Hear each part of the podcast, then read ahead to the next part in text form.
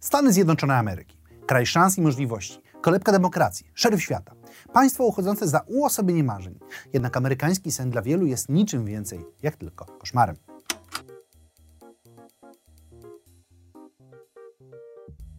Zacznijmy może od tego, czym teraz właściwie są Stany Zjednoczone. To jeden z większych krajów na świecie, a dokładniej trzeci pod kątem populacji z 332 milionami ludzi żyjącymi w ich granicach. Średnia długość życia to 77 lat z medianą wieku na poziomie 38.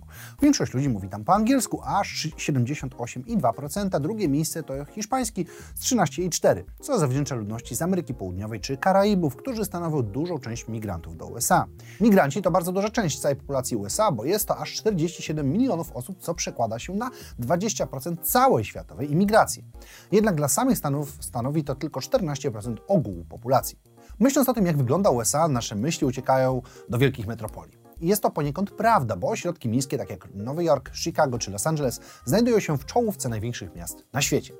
Do tego prawie 83% populacji żyje w terenach miejskich, czyli zajmuje jakieś 3% ziemi. Taki Nowy Jork zajmuje około 786 km2 powierzchni, a jest domem dla 18 milionów ludzi. W takim zagęszczeniu ludności moglibyśmy zmieścić półtorej populacji Polski w konurbacji śląskiej. A co z pozostałymi 97% Stanów? Mówimy tu o gigantycznej różnorodności krajobrazów. Mamy znane z westernów zachodnie stepy i półpustynie. Mamy gigantyczne lasy i góry w Virginii Zachodniej, mroźne ostępy Alaski czy rajskie wyspy Hawajów. Na terenie jednego kraju możemy znaleźć tysiące różnych widowiskowych krajobrazów, pomników przyrody czy niezbadanych szlaków. Nieliczne domostwa potrafią być oddalone o setki mil od najbliższego miasta. Do tego wiele osób, które żyje najprawdziwszą wolnością, potrafi na całe życie zaszyć się w ostępach Montany, Idaho czy Dakoty. Jako kraj USA jest na szczycie kilkudziesięciu różnych kategorii. Wydaje najwięcej na zbrojenie, około 780 miliardów dolarów rocznie, czyli więcej niż kolejne 9 krajów w rankingu razem wzięte. Ma też najwięcej policji na świecie, co może być przydatne, biorąc pod uwagę, że USA pobija wszelkie rekordy, jeżeli chodzi o ilość morderstw, kradzieży, gwałtów, korzystania z narkotyków, a także największej populacji więźniów na świecie. Do tego jeszcze najdroższa na świecie służba zdrowia, która pochłania z budżetu więcej pieniędzy niż w jakimkolwiek innym kraju, co może być spowodowane tym, że posiada największy odsetek otyłości na świecie. Przy tych wyliczeniach można wspomnieć jeszcze o masie innych rankingów. O najwięcej wydawanych recept, najtrudniejsze prawo podatkowe, e, najwięcej studentów z długami, czy największy dług publiczny, który wynosi bagatela 28 tysięcy miliardów dolarów, a od początku tego odcinka wzrósł o niecały milion. Nie przeszkadza to jednak USA, raczej każdemu kolejnemu ich rządowi, sprawować roli szeryfa świata. W samym tylko XXI wieku mówimy tu o dziewięciu oficjalnych interwencjach w rządy krajów takich jak Jugosławia, Irak, Syria, Haiti czy Libia. Do tego pomniejsze interwencje zbrojne polegające na wysyłaniu żołnierzy na drugi koniec świata, by niczym w żarcie chronić demokrację. Do tego jeszcze niezliczone interwencje ukryte pod płaszczem działania służb wywiadu, których działania nie sposób ukryć, a które wpłynęły na bieg historii nie jeden raz, no, z Kubą jako najgłośniejszym znanym przypadkiem.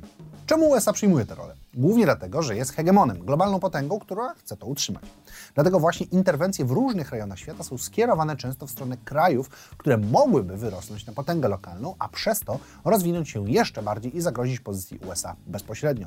Do tego, jako że USA od czasów zimnej wojny związana w wiele różnych interesów na całym świecie, de facto problemy w tych regionach są bezpośrednim atakiem w środki zarobku, blokując całe łańcuchy logistyczne. Dalej, jeśli spojrzymy się na rolę przywódcze USA w wielu organizacjach międzynarodowych, wszelkie interwencje będą tylko cementowaniem tychże pozycji, które oczywiście służą, by wywierać presję na inne państwa członkowskie. Można jeszcze idealistycznie wierzyć w to, że USA ceni sobie wolność, prawa człowieka i powstrzymuje kranie przed stworzeniem broni masowego rażenia z najbardziej szlachetnych pobudek. Jednak jeśli popatrzymy na statystyki i analizy, to większość ludzi na świecie uważa, że jeśli kiedykolwiek zacznie się nowa wojna światowa, to USA będzie w to zamieszana, najpewniej jako strona konfliktu. Więc czemu świat akceptuje USA w roli stróża? No tutaj można wyodrębnić kilkanaście kolejnych podpunktów. Jednym z nich jest to, że Ameryka w dużym stopniu kontroluje kulturę. Filmy, seriale czy gry przedstawiają amerykańskich żołnierzy jako bojowników o wolność, którzy ratują ludzi i są tytanami dobrych wartości. Osobami, które bronią tego, co bliskie nam wszystkim. Rodziny, ojczyzny, no, czy właśnie wolności. To wszystko wpływa w pewien sposób na podejście ludzi do tego, by właśnie tak postrzegać te akcje. Do tego historia. Zimna wojna to przecież Najbliższy przykład, a II wojna światowa, to de facto zwycięstwa USA i ich interwencji. No, poprzez zaakceptowanie tego stanu rzeczy postrzegamy ich działania jako te, które są zwycięskie. Chociaż warto tutaj wspomnieć, że zimna wojna to temat niezwykle sporny i w wielu czynnikach USA nie dawało sobie rady, a swoje zwycięstwo zawdzięcza niestabilnemu ZSRR czy wyścigowi kosmicznemu. No do tego USA faktycznie prowadzi interesy w każdym zakątku świata. Amerykańskie firmy, produkty czy myśl techniczna bardzo mocno przenikają w gospodarki innych krajów, które wiedzą, że bez USA sytuacja mogłaby się pogorszyć. Dalej, Amerykanie prezentują w pewien sposób wartości, które bliskie są cywilizacjom zachodnim. Wolność jednostki, demokracja czy jedność to rzeczy, które w naszym kręgu kulturowym są postrzegane jako wartości w pewien sposób pożądane. Jest to też bardzo prosta opozycja do tego, co prezentują Chiny, czyli obecny rywal USA na arenie międzynarodowej, czy kiedyś Rosja. W wielu dokumentach czy artykułach znajdziemy teorię, że konflikt między tymi krajami jest na osi ideologicznej. USA to kapitalizm, indywidualizm czy demokracja, no, gdzie Rosja i Chiny to de facto uosobienie przeciwieństw tych wartości. Dlatego pozycja USA i walka o nią wynika z trzech rzeczy ekonomii i gospodarki, czyli chęci utrzymania swoich interesów i łańcuchów geopolitycznych, geopolityki, czyli konieczności utrzymania dominacji na świecie i pozostaniu hegemonem, i ostatecznie ideologii, obrony wartości, które bliskie są dla świata zachodniego. Odchodząc od polityki zagranicznej, Stany Zjednoczone wydawać się mogą jako wspaniałe miejsce do życia. Jako cele migracji są wskazywane przez 21% badanych, którzy wyrażają chęć do opuszczenia swojego kraju, co przekłada się na około 147 milionów ludzi. Ale czy to na pewno dobry pomysł? Po pierwsze, trzeba będzie w wielu przypadkach przejść przez dość restrykcyjny system, aby móc otrzymać pozwolenie na pracę. Przynajmniej jeśli chcemy ją mieć legalnie, co nie jest aż tak oczywiste. Ponad 10 milionów ludzi, 3,3% populacji, to tak zwani nielegalni imigranci. Czym różnią się od tych legalnych? W sumie niczym pracują, płacą podatki, tylko nie korzystają z tego, że je płacą. Nie mają ubezpieczeń, nie korzystają z zasiłków, jednak zasilają budżet o nieco ponad 27 miliardów dolarów w samych tylko podatkach. Do tego, rzecz jasna, siła nabywcza czy po prostu ich praca.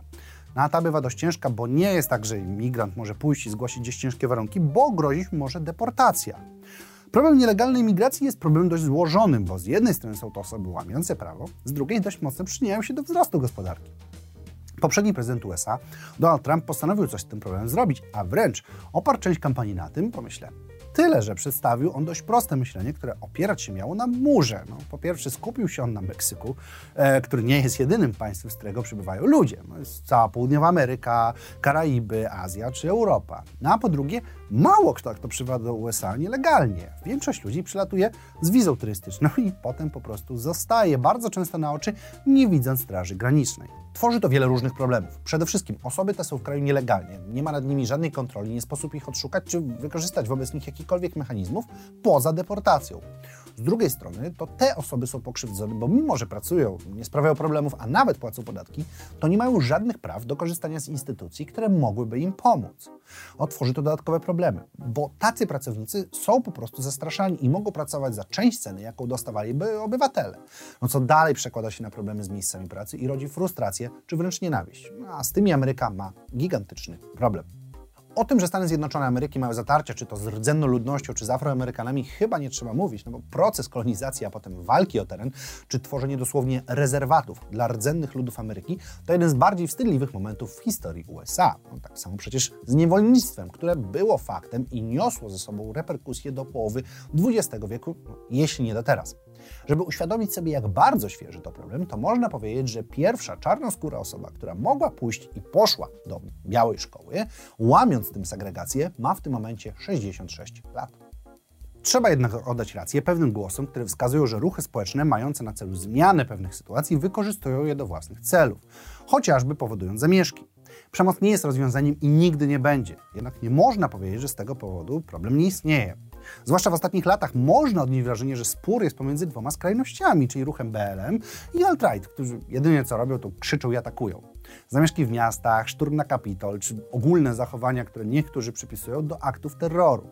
Jednak to dość klasyczny przykład patrzenia na największe i najgłośniejsze przypadki, a prawdziwe problemy są dużo niżej i dotykają zwyczajnych ludzi pewnych kręgach bardzo często przytacza się statystyki FBI dotyczące tego, że osoby czarnoskóre, mimo że stanowią mniejszy procent społeczeństwa, stanowią większość populacji więzień. No ma to być dowód i usprawiedliwienie, że można uważać te osoby za kryminalistów. Myślenie to jest też obecne w służbach USA, co widać na przykład w statystykach policji. Profilowanie rasowe, bo tak nazywa się to pojęcie, to założenie z góry, że osoby pewnej rasy są bardziej skłonne do zachowań przestępczych. Dlatego w przykładowym Nowym Jorku stosuje się stop and frisk, czyli zatrzymania osób, które zachowują się podejrzanie. Z jakiegoś powodu Afroamerykanie stanowią aż 51% zatrzymań, gdzie osoby rasy białej to tylko 9%. Tak samo w sądach. Kolor skóry powodował, że mamy 5 do 7 razy większą szansę, by znaleźć się w więzieniu za posiadanie i sprzedaż narkotyków. I mowa tu o bezpośrednim porównaniu ze sobą osób, które złapane zostały w podobnych sytuacjach z podobną ilością substancji. Tutaj winy możemy dopatrywać się w wojnie z narkotykami. No, to dość spore przedsięwzięcie, które miało na celu uratowanie społeczeństwa przed niszczącym wpływem substancji, które niszczą umysły. Rozpoczęte przez prezydenta Nixona w 1970 roku działania miały mieć efekty prewencyjne i rehabilitacyjne. No jednak głównie odbywały się te pierwsze i miały one dość konkretne cele. Ale może pozwólmy mówić Johnowi Endryszmanowi, doradcy prezydenta Nixona. Roku, a potem jego administracja w Białym Domu miała dwóch wrogów: antywojenną lewicę i czarnych. Rozumiesz o czym mówię? Nie mogliśmy zrobić tak, by nielegalnym było bycie przeciwko wojnie, czy bycie czarnym. Ale jeżeli społeczeństwo kojarzyłoby hipisów z marihuaną, a czarnych z heroiną, a potem uczynilibyśmy obie te substancje wysoce nielegalnymi, moglibyśmy rozbić te środowiska. Moglibyśmy aresztować ich przywódców, przeszukiwać ich domy, rozbijać spotkania i czynić z nich przestępców noc po nocy w wieczornych wiadomościach. Czy wiedzieliśmy, że kłamiemy w sprawie narkotyków? Oczywiście, że tak.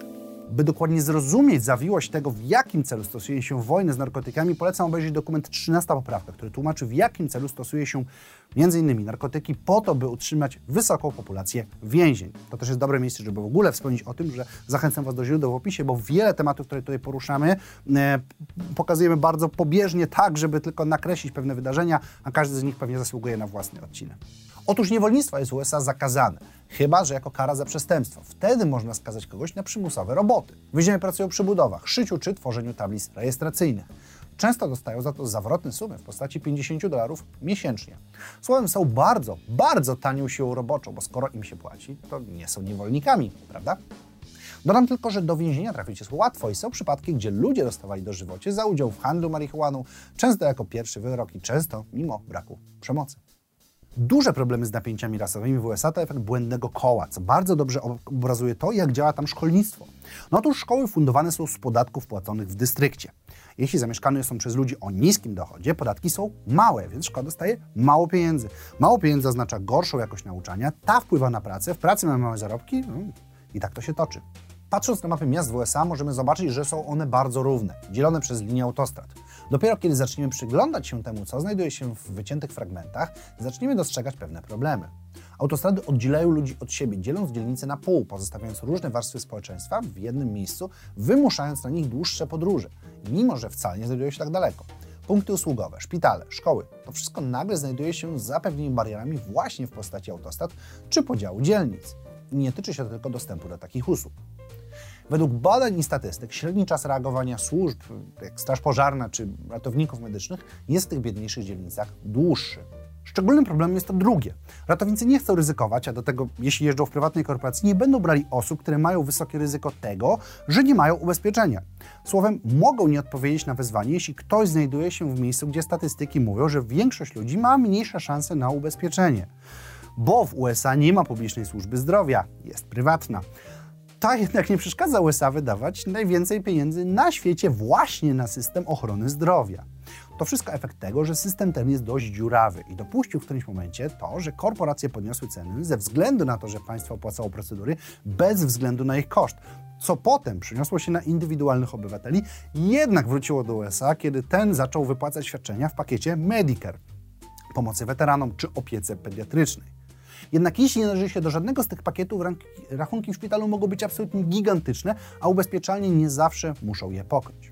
Powoduje to, że dla wielu młodych dorosłych złamanie nogi, choroba w rodzinie czy gorsza diagnoza to wyrok bankructwa.